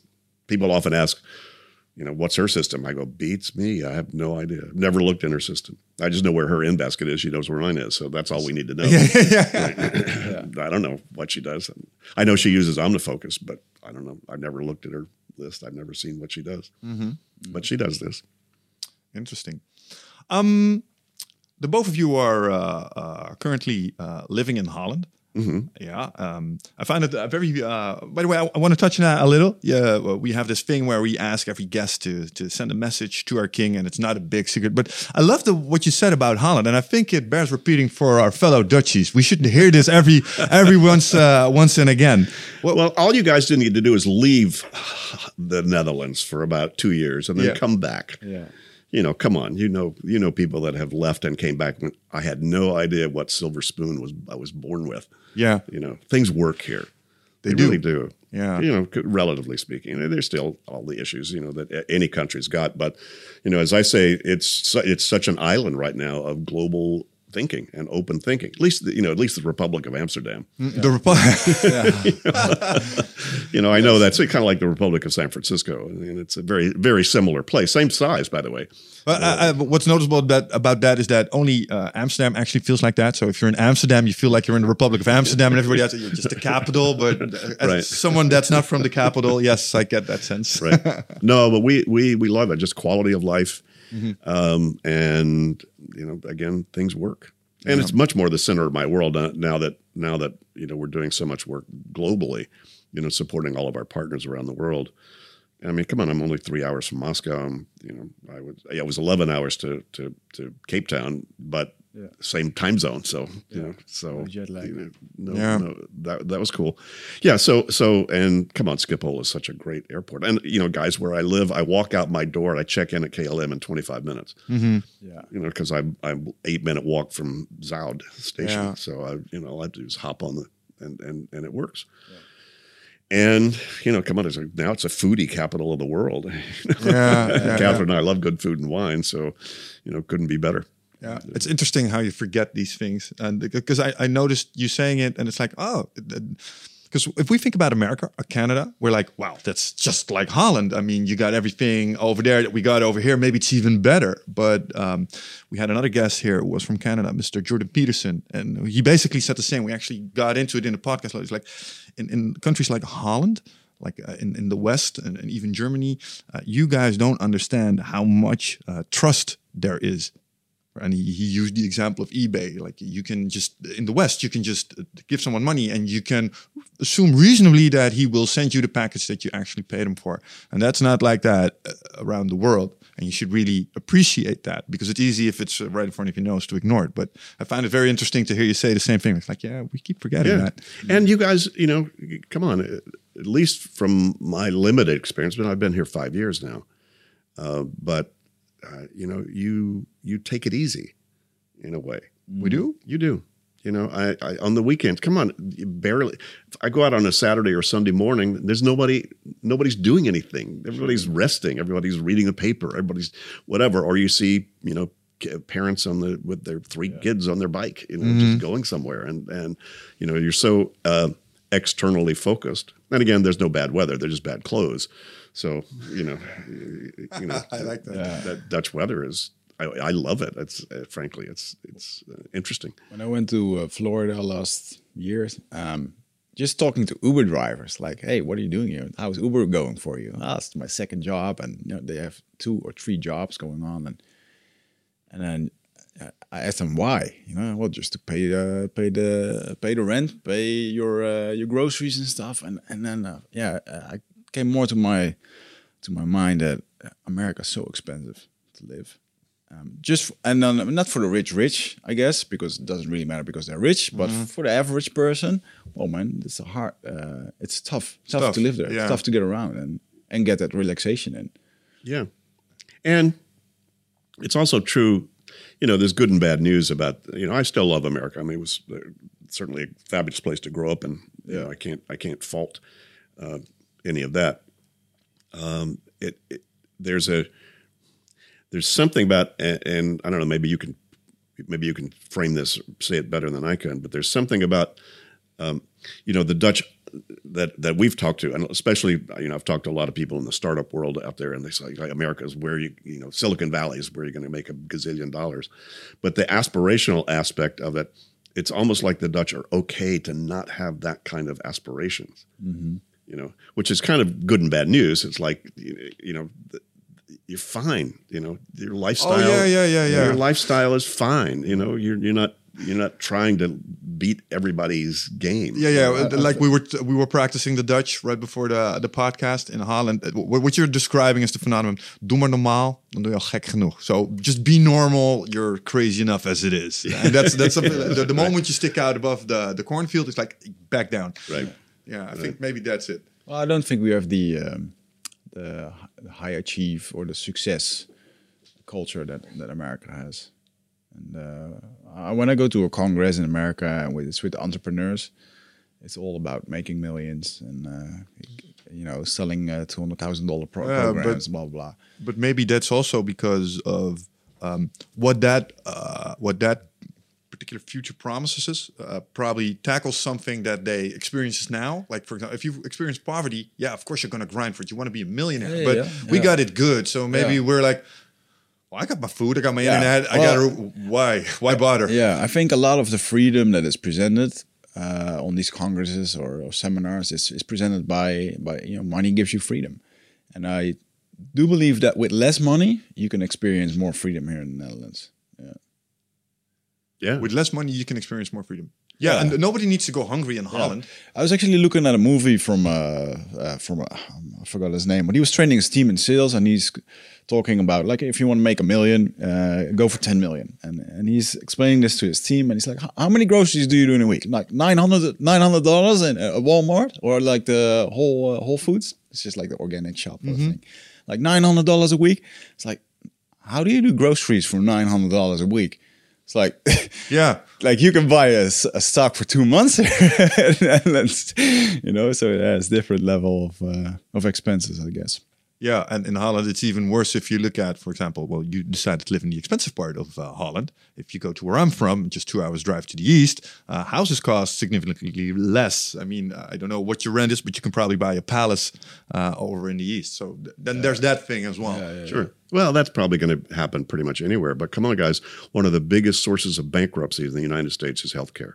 yeah And you don't have that issue here. No, Like, thank you. You know, wow. You know what? Catherine and I, just our our health insurance that we got through our company in California, we were paying twenty five, thirty thousand dollars a year for that, and no better coverage than we have here. And we're here we're paying three thousand euros, you know, for that, and great health care. As far as my experience, and you, know, you guys all complain about everything all the time, so we do, don't we? yeah, yeah, yeah. That's why I want to zoom in on this a little. We got it good. We need to hear this.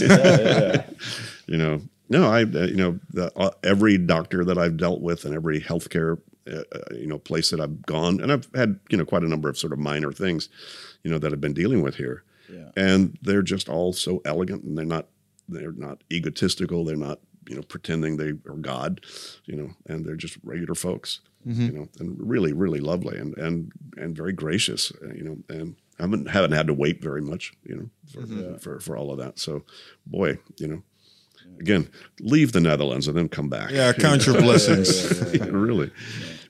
Have you have you had ma- many medical things in the last few years? You- you- Mm, not not too many. You know, a little minor surgery on my hand, and I had cataract surgery. So so nice- you're in, you're in good health. yeah, yeah. I'm still walking around. Yeah, still walking around, but um, uh, already. Uh, but you are thinking about uh, passing on the torch. Yeah, well, you know, it's kind of like, well, the you know, I, I I sort of approached all of this in my career as and getting things done is just high anticipation but no expectation. People want it, that's great, and I want to get it to people that that might be interested in it, but I'm not going to beat anybody up or bang them on the head. and I always keep thinking, well, maybe everybody who's ever going to be interested in GTD has now got it, mm-hmm. and they'll they'll stop. But I'm still doing two or three podcasts a week, you know, after 18 years. You know, still the world still seems to be, you know, banging on the door you know, Craving about, for it. about this stuff. So, uh, so it's going, and now, given that we've got really, really good master trainers, and we've had very rigorous program to certify the master trainers, you know, around we've got about probably twenty five or thirty master trainers now, and they they were trained in English, but then they are then certified to then certify trainers within their own language and their own regions, and I, a good dozen of those, you know, if I got run over by a bus tonight. Um, or got hit by any one of those bikes. in Amsterdam, yeah, yeah. You know, um, you know, th- th- they'll they'll carry the torch. Mm-hmm. This is still this is the train's left the station essentially in terms of getting things done is out there now, and you know the book is still the new edition is still bestseller. Yeah. still, still selling because it's evergreen. It really is evergreen stuff. I mean, it, you're going to need when we fly to Jupiter in 2090. You're still going to need an end basket. You're still going to have to decide next actions on. Yeah, yeah, yeah. Have your attention. You, you, you, you know, you're not going to. This is not going to go away in terms of the principles themselves. The only way this can go away is if we can start really augmenting our brains. So if I can uh, sort of put a chip in there that like writes it way automatically, then maybe. But Yeah, maybe. On the other hand, we're going to stay humans. Um, and like you said, um, there seems to be an ever growing, um, it doesn't stop. The demand is still there. But that maybe has to do something with the generations behind us as well. Yeah, I well- think they even face these problems bit more. Probably, and and I, actually, we just counted up uh, uh, about three thousand people a month are going through GTD trainings around the world. So, you know, at Keeps least growing. yeah, Yeah. keeps good. You know, it's just steady, steady state.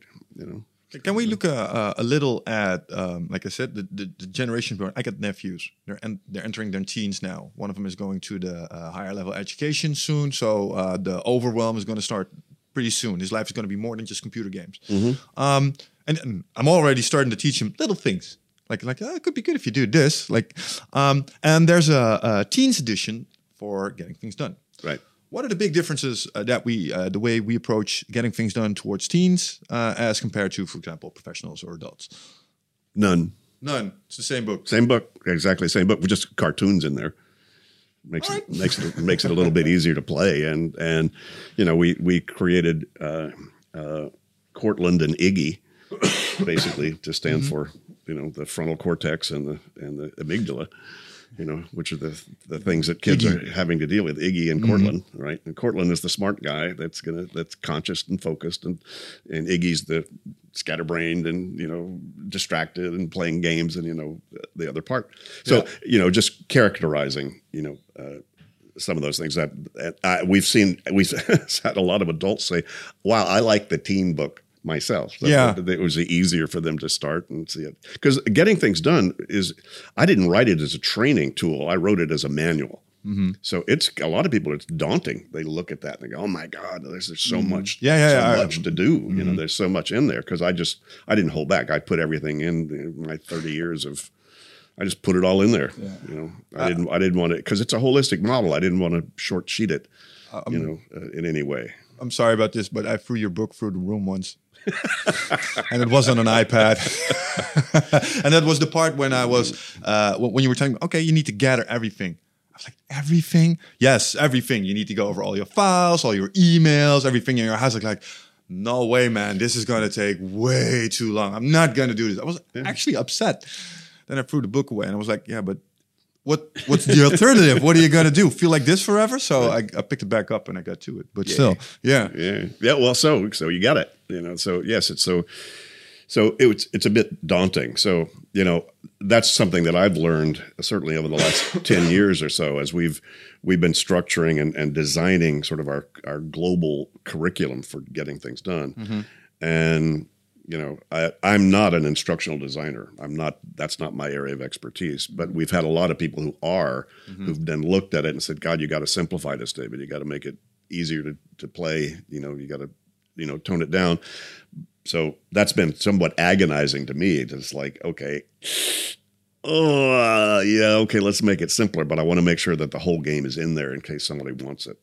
So. Uh, so that's a lot of what we've been doing is actually, you know, simplifying the methodology so it was easier for people to play. Yeah, I can imagine that if you take kids as an audience, that that automatically happens. Have you worked a lot with children and implementing the methodology? I haven't. No, Catherine and I don't have kids. We know, you know, people. The, the two co-authors, you know, of the book, they did really the heavy lifting and most of the writing of it.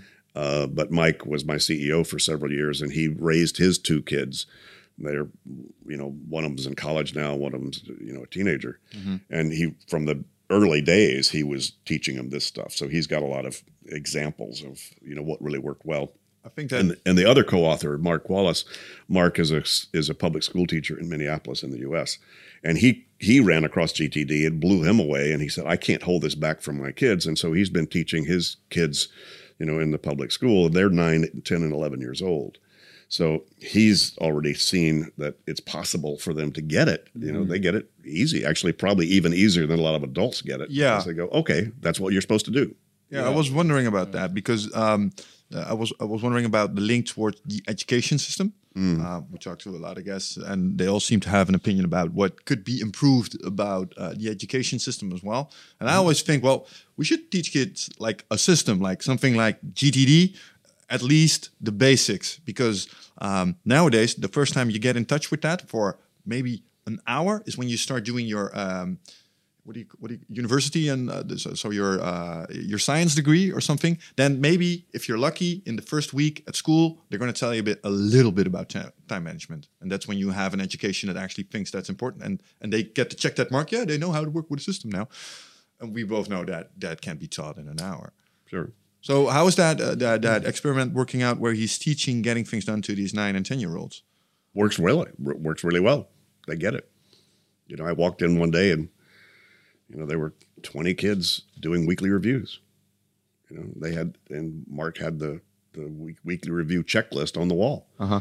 And he said, just go check with them, see what they're doing, David. So I, you know, one kid, I said, what are you doing? He said, well, I'm getting clean.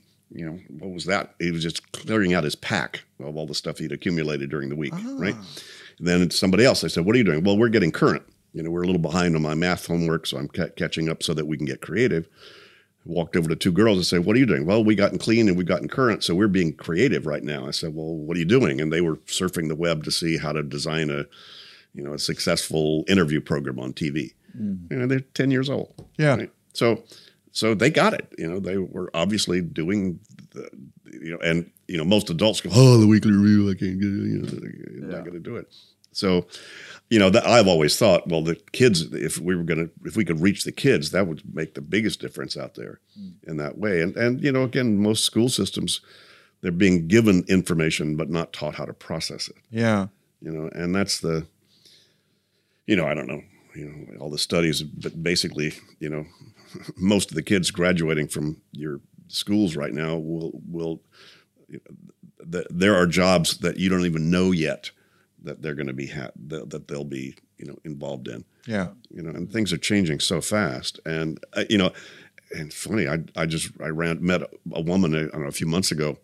Her son is 11 years old. He had 5,000 WhatsApps on his phone. what It's like, wow, my God. She said, well, he was smart enough to go, yeah, I don't bother too much about all that. He was still doing his homework, but you know, the, the the plethora of inputs that the kids are are dealing with. yeah And again, to Theo's point, you know, it's highly addictive too, you know, the social media thing because, you know, one of the one of the basic ways you can create an addiction is random positive reinforcement. And there's probably no more random positive reinforcement than social media. There's a lot of crap, but there's a lot of cool cool stuff. You know, so and it feels a certain way i get it You mean with all the all the gratification and likes and, and hearts and Oh yeah, yeah, huge. We joke around a lot here that we wouldn't have managed if we were teens now. We would have been hopelessly lost. no internet for us in our teens, and that was probably for the best. Yeah, really. yeah. So what is the um, um uh, the big what is the big hill for adults doing their weekly review? Is it confronting? It's just it, you know, it's just a, a habit that you. It's one of the toughest habits to build in because you just think I don't have time to sit down and regroup. You know, you just get too busy and you're not doing it, and and it's just uh, uh, something that people really have to you know get themselves used to that feeling you know of doing it. And it seems to be you know over these years. Uh, I ran across. I can't remember exactly what the source of it was, but I ran across a study that that that if you go longer than about seven or eight days for something and trying to remember what happened like nine or 10 days ago, it's like looking for a needle in a haystack. But if you can catch it within the last seven days, some part of you can, you know, create context much easier. So there's there's a kind of a control alt delete. There's kind of a data dump that happens after about seven days in terms of just you remembering stuff. So there does seem to be something about a weekly sort of cycle, mm-hmm. you know, to to kind of bring up the rear guard, as I say, and get yourself current. Mm-hmm. Because come on, every one of us has probably had stuff in the show up in the last three or four days that you know you got to do something about, but you haven't had time to sit down and identify what the project is or what you're going to do about it next as the next step. You just know you got it. Mm-hmm. So we we've got to build in those kind of times, and certainly the over the years, you know, I've dealt with a lot of people in the corporate training world, you know, who were responsible for executive education in their companies. And, you know, without fail, they usually say the biggest need is reflection time. Mm-hmm. And if they're not building that in, if an executive is not building in sufficient reflection time to mm-hmm. think strategically, to think creatively, to think whatever, you know, they're they're going to be driven by latest and loudest and not by not strategy. There was a, a, a teacher here, Michaela Schippers. She teaches at Erasmus uh, University, and um, she was also involved with the Future Authoring program they did uh, in, I think, the Erasmus University with uh, Dr. Jordan Peterson. And she basically said there's this holy uh, free unison of progress, which is goal setting, consistency, so the way you organize your work. But the biggest part, and the often most neglected part, is the reflection part. It's like that. It's it's what you need to. Uh, and in Agile and Scrum, we already learned this in making software. You can't determine the end goal um, without evaluating what you've learned along the way. Your your your information going to change. What you want is going to change, uh, and that's why you need to do these things because most people just put a mark on the horizon and just keep going without evaluating where they are. So that's the way she explained it. Yeah. It's very important to process what you've learned in order to change your course. It should be a, uh, an iter- yeah, basically an iteration. Yeah, yeah, it makes total sense. Couldn't agree more. Yeah. Well, uh, even though this is more high level uh, reflection, I mean, the, the weekly review obviously has a little bit more operational s- side to it Sure. as well. Yeah, it does. But but but you you can also include in the weekly review looking at your bigger game, looking at bigger pictures, looking at the orient orienting yourself using maps, and really it's all about just creating maps for yourself to look at. You know, I was a sailor for you know had my own sailboat for a couple of years, and I you know that it's such a great analogy because the map room has a lot of different maps. Right. But you don't. You want to make sure you're looking at the right map if you're trying to get out of the harbor, so you don't hit something. But you uh-huh. also want to make sure then then you pull out another map to make sure you get to Hawaii instead of Canada, right? So there's all these different maps that you need to see to locate yourself in space and time. Mm-hmm. So GTD is really about creating orienting maps. You know, you go out for errands. Let me see all the errands I need to run. You know, let me look at the 45 or 75 projects I've got. And again, most people have 30 to 100 projects. Mm-hmm. You know, in terms of a broad definition of something that something you can't finish with one action step that you can finish within the next few weeks or months. Mm-hmm. And you know, that's most people have huge inventories of stuff they haven't even identified yet. But if you once you get that inventory, that's again why it's so critical to get 100% out. So you know you're looking at the whole game. Mm-hmm. I think a lot of people, you know, I, I think a lot of people keep stuff in their head. It gives them a false sense of control. by keeping it in their head. Yeah. Yeah, and it's Guilty. something they like to Guilty. brag about. Uh, I, I can remember everything. And it's like, all right, so what did you eat four days ago? It's like, I don't know. But that's not important. No, but still. Yeah. Um, something I have a question uh, uh, on, um, and you might know something about, is the topic of procrastination. Hmm. I think you've noticed this. You can probably teach someone to slice and dice everything to the first action they need to do. They have a list. They know exactly what to do and they have the time, but still they don't do it. Yeah. What's that? I don't know. You'd- You'd you'd have to take the person very specifically and say why they are resisting doing it. They may be resisting because it's just not that important anymore. You know, a lot of people have stuff on their list because it was important at one point, mm-hmm. and they're still on the list. Mm-hmm. But life has changed. You know, you've changed. You, things have moved forward. You know, you need to move it to someday maybe list or just dump it. Mm-hmm. You know, so sometimes it's because the thing isn't that relevant anymore, and people just need to become more conscious about that um, or if it is relevant and they're still avoiding it oftentimes i think it's because they still even if they've sliced it down to the very next action step they don't feel like they can engage in that action step successfully i mean the greatest human fear is the fear of being out of control Yeah. you know people are killing themselves and each other as we speak just to maintain or achieve a sense of of psychological control it's that powerful a driver of human behavior um, for us normal sane people the way that shows up is you tend to not want to engage with something that you don't feel like you can control immediately Yeah. successfully So where the outcome is unsure, it kind of creates a fear. Of, or you just don't know what the next step is you know and if you haven't decided the very next action step is that boot computer? Is that surf the web? Is that send an email? Is that talk to your partner? What's the very next thing you need to do? If you haven't figured that out yet then there's a gap there's a void between here and the outcome. Mm-hmm. And so it requires thinking. Again back to our point of thinking and decision making if you don't make that decision about what doing would look like you know the two elements of getting things done are what does done mean and what does doing look like and where does it happen. Mm-hmm. And once you clarify those things it lowers the barrier of entry like tremendously. I mean but to your point if you're still avoiding doing it it probably because you haven't got it granular enough. Yeah. and there's still pump some part of you. See the people who procrastinate the most are the most sensitive creative and intelligent people. Right? Because your, your sensitivity and intelligence and creativity you know allow you to in a quarter of a second to generate incredible phantoms and evil demons that's going to you know eat you alive if it's not done totally perfectly Ah, yeah, yeah, yeah, yeah. yeah, so you freak yourself out guilty, guilty. Oh come on! Who doesn't procrastinate? The people you give stuff to do, they go, okay, blah, blah, blah. like they're so they're so thick and insensitive, they're not aware of all the stuff that could go wrong. The grunts. They could, you know. So, so you have to intelligently dumb yourself down. You know, so that's you know that's tricky business. You know, I think that's interesting. The, the, with granular, um, what you mean more specific? more specific. Yes. You know, you know if you're a if you're a well, let's say you're an accountant and you do people's taxes, right?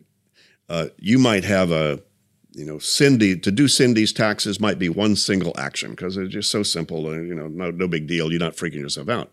But to do Jose's taxes, you know, that's going to take you a week long, uh, you know, amount of stuff. So.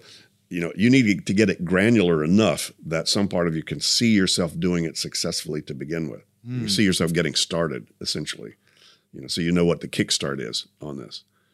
And you know, again, that's probably the biggest reason people procrastinate is they, so- they haven't figured that out. In this particular case, do you mean because we know for uh, like uh, Karen, the tax return is manageable because we got the scope in mind? It's like, oh, this is like Yeah. two. You can do it in one sitting. You know, Yeah, it's an obvious exactly. thing to do. And Yeah. for Jose, for example, you um, the the right thing to do might it might be to chop up that big task into a few smaller tasks. Sure. Yeah. You know, the- actually, just what's the very next thing you would need to do to do Jose's taxes? Oh God. Oh, you know what I probably ought to do is yeah, and that's that's the thinking process most people go through. But believe me, I've spent thousands of hours with some of the best and brightest people, sitting down with them, having them agonize through those decisions. Yeah. about all the stuff that's that they've written down. Yeah. Something I've noticed as well is that the the um, the size of the next action um, or the way you describe it also has an effect.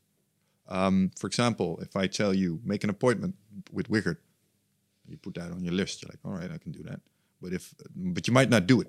And if I say look up Wickard's number or email address, then all of a sudden it's oh yeah, I can do that. Let's go. Right. So, yeah, it has to be that granular so you can see you can see ex- actually how to do it. Set meeting is not a next action. No, mm-hmm. No. no. Write email is. Write an email to set the next next Yeah. appointment to, Yeah. for example. Yeah.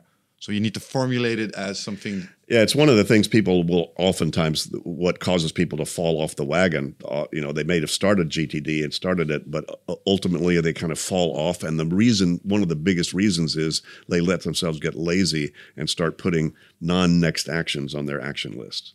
Then when you look at it, some part of you knows, well, I still have to think and decide about that, and I don't have the energy to think and decide right now. Stop reminding me I'm overwhelmed.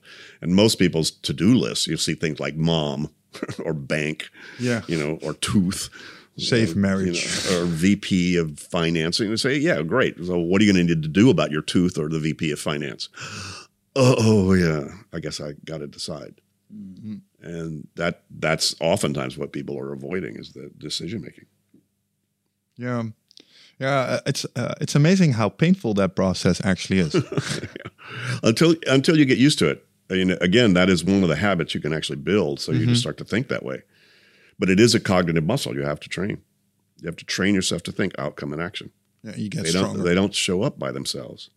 Certainly as knowledge workers. I mean, knowledge work, you know, started, you know, th- that changed the game out there because it was no longer self-evident what your work was. You actually had to think to decide what the work is.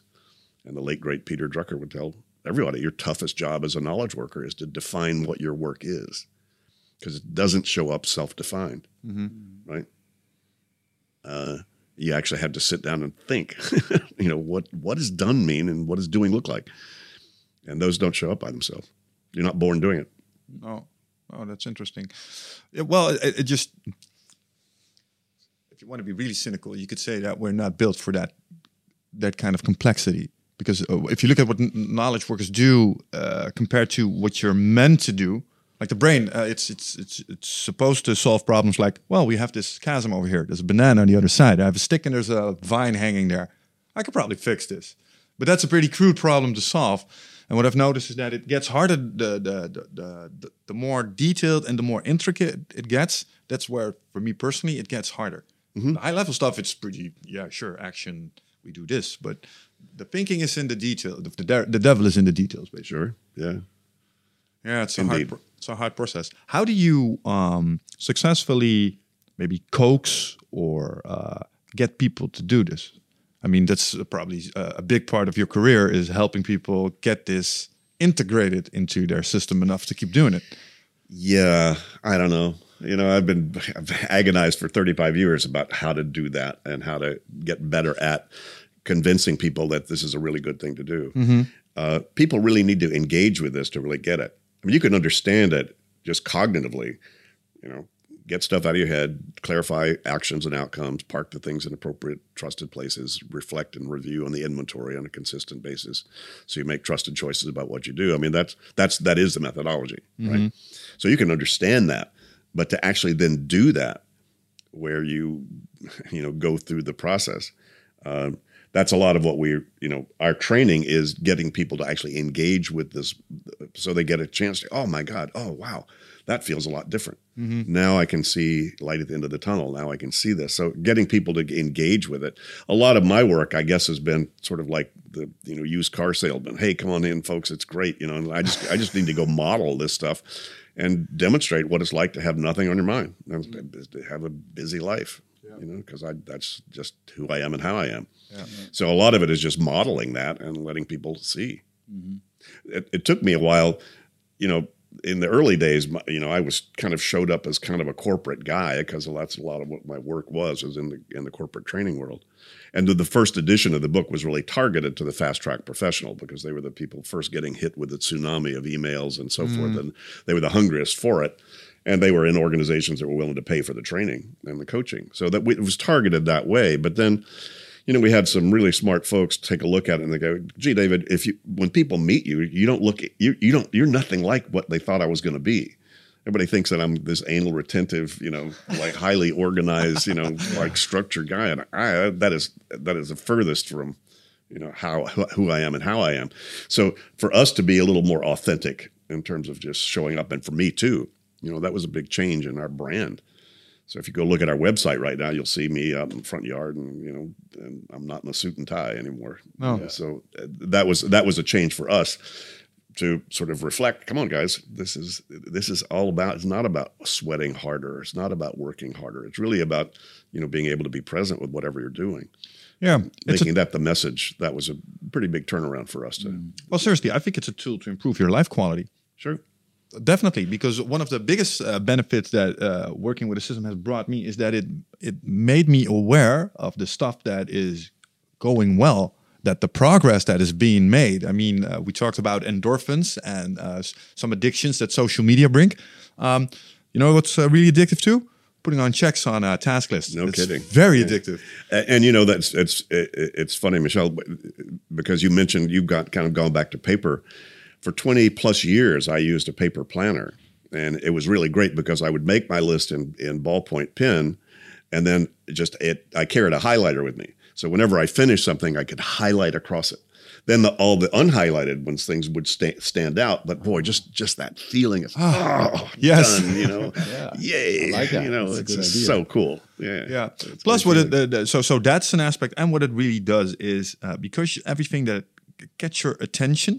Um, usually, the first things you should move on. At least, uh, maybe you have a different opinion. Is um, the stuff that grabs your attention in a negative way. So the, your stressors. So if you start writing down everything that's in your mind, and you see, well, well, this one, this is really keeping me up at night, and you get taught a method to sort of attack that problem, uh, then something very strange happens. You get less stressed yeah. because you start moving on something that's negative, it's less intimidating, and you start actually improving it. For example, if your health is an issue, and you start defining your first action, that's to find a personal trainer, you got one, you start moving. Well, you actually start doing something that you wouldn't have done without the assistance of a system. Well, you know what this does is it's a kind of a Trojan horse. You know the idea in- in terms of just self help and personal growth, because I don't I I don't approach telling people they need to be accountable and responsible for you know everything in their life. I just ask them what that piece of paper means and what are they going to do with it. And what happens is that it automatically moves them out of complaining and victim mode into the driver's seat. Mm-hmm. You know, decide what to do about that potential divorce. Decide what to do about that health issue. Decide what to do about it, and it gets people back in the driver's seat mm-hmm. again. And that's what that's what's so different, and why it, it improves the quality of your life. Doesn't mean it's easy. You know, doesn't mean you know this GTD is not about being easy. No. You know, if life was easy, you'd never grow or expand or express yourself. Uh, you know, whatever. But what it does is you need to be in the driver's seat as opposed to be the victim of the, of, Yeah. of those things. I think it's all about that. It's uh, it's about the proactivity. Yeah. and not uh, like you said. Most people react; they don't live. They just react to the impulses that happen, and that kind of puts them in positions where they might not want to be, but they're not. They don't really have a plan, so they become part of other people's plans. Yeah. And I, I just finished a, a great book, by the way. If you haven't read it, uh, I highly recommend it. I don't know if it's in Dutch or not. It's called The Antidote uh, Happiness for People Who Are Sick of Positive Thinking.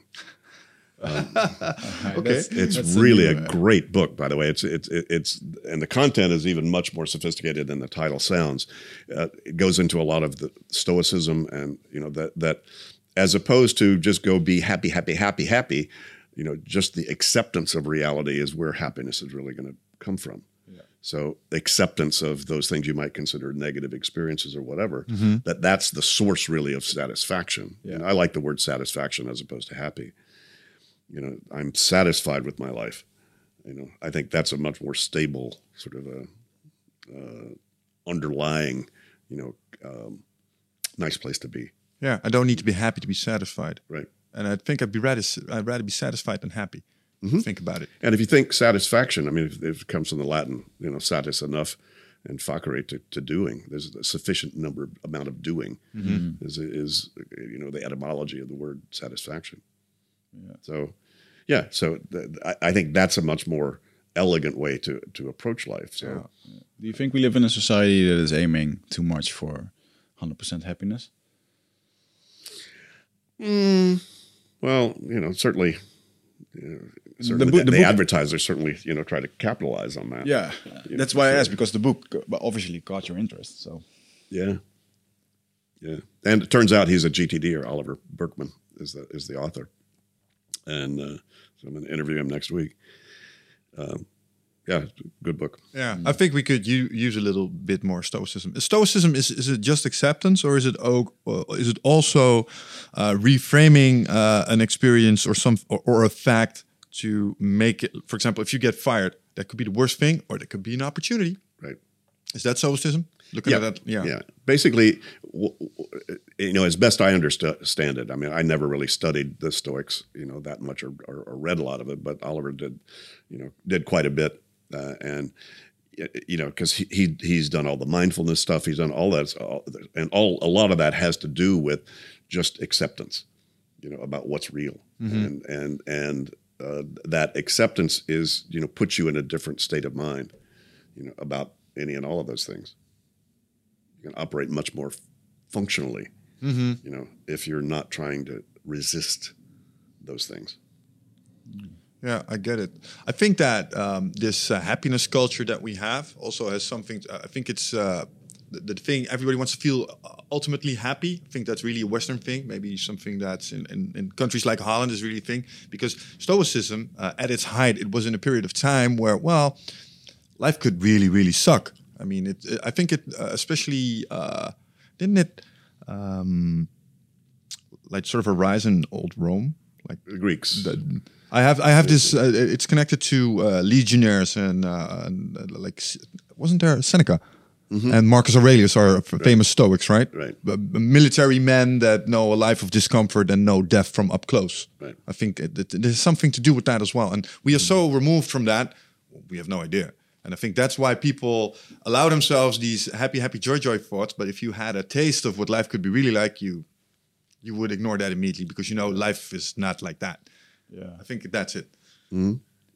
I like Marcus Aurelius when he was writing about how he was writing in morning journals about how he would be surrounded the rest of the day by cheaters and people who would uh, try to kill him or whatever, dis- disliked him, and uh, yeah, that was his way of getting it out of his head and going through the day. His book Meditations is pretty cool. Yeah, it's all about this morning. Uh, ah, basically, it's his view on the on the world, and it's uh, it's Stoicism, Stoicism as well. Yeah, a lot of acceptance in there. What I, what I like about Stoics as well, uh, I'm I'm not sure if that's 100% correct, but I think there's uh, something in there about seeing the humor in things. That that's very important as well to be able to you know deal with whatever ugliness is in front of you. Yeah, I always find that amazing. You should be able to la- we uh, in, in- what do you call it gallows humor.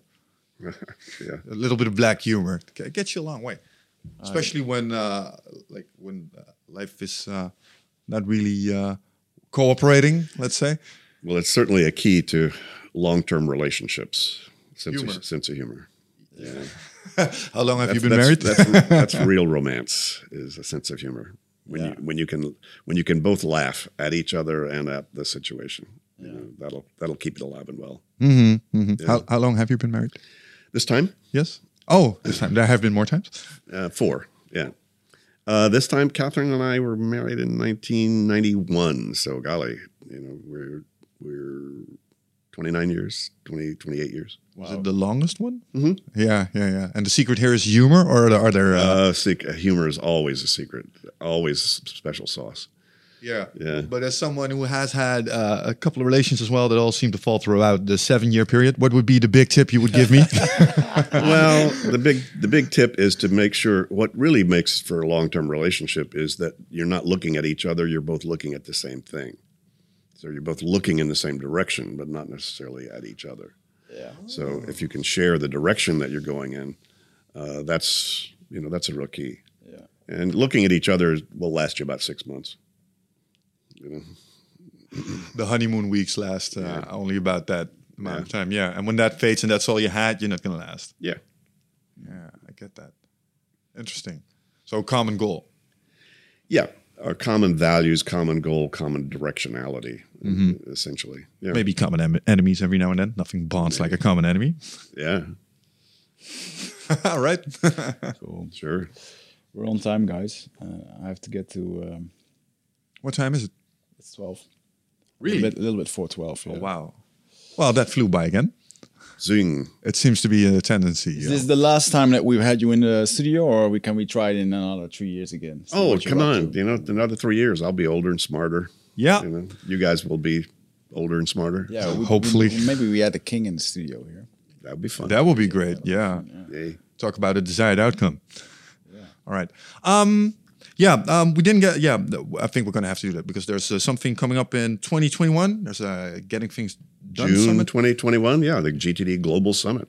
We did one 10 years ago. Didn't want to, I didn't know that I was going to do another one, but now because our work has gone pretty global and we just have an inc- incredible array. We've got over 40 presenters that are coming on their own dime and, you know, just wanted to share. They're all friends of mine. They're all champions of GTD. Marshall Goldsmith, Dan Pink, um, Charles Duhigg, uh, Cady Coleman, one of the first female astronauts. We coached her while she was on the space station. Wow.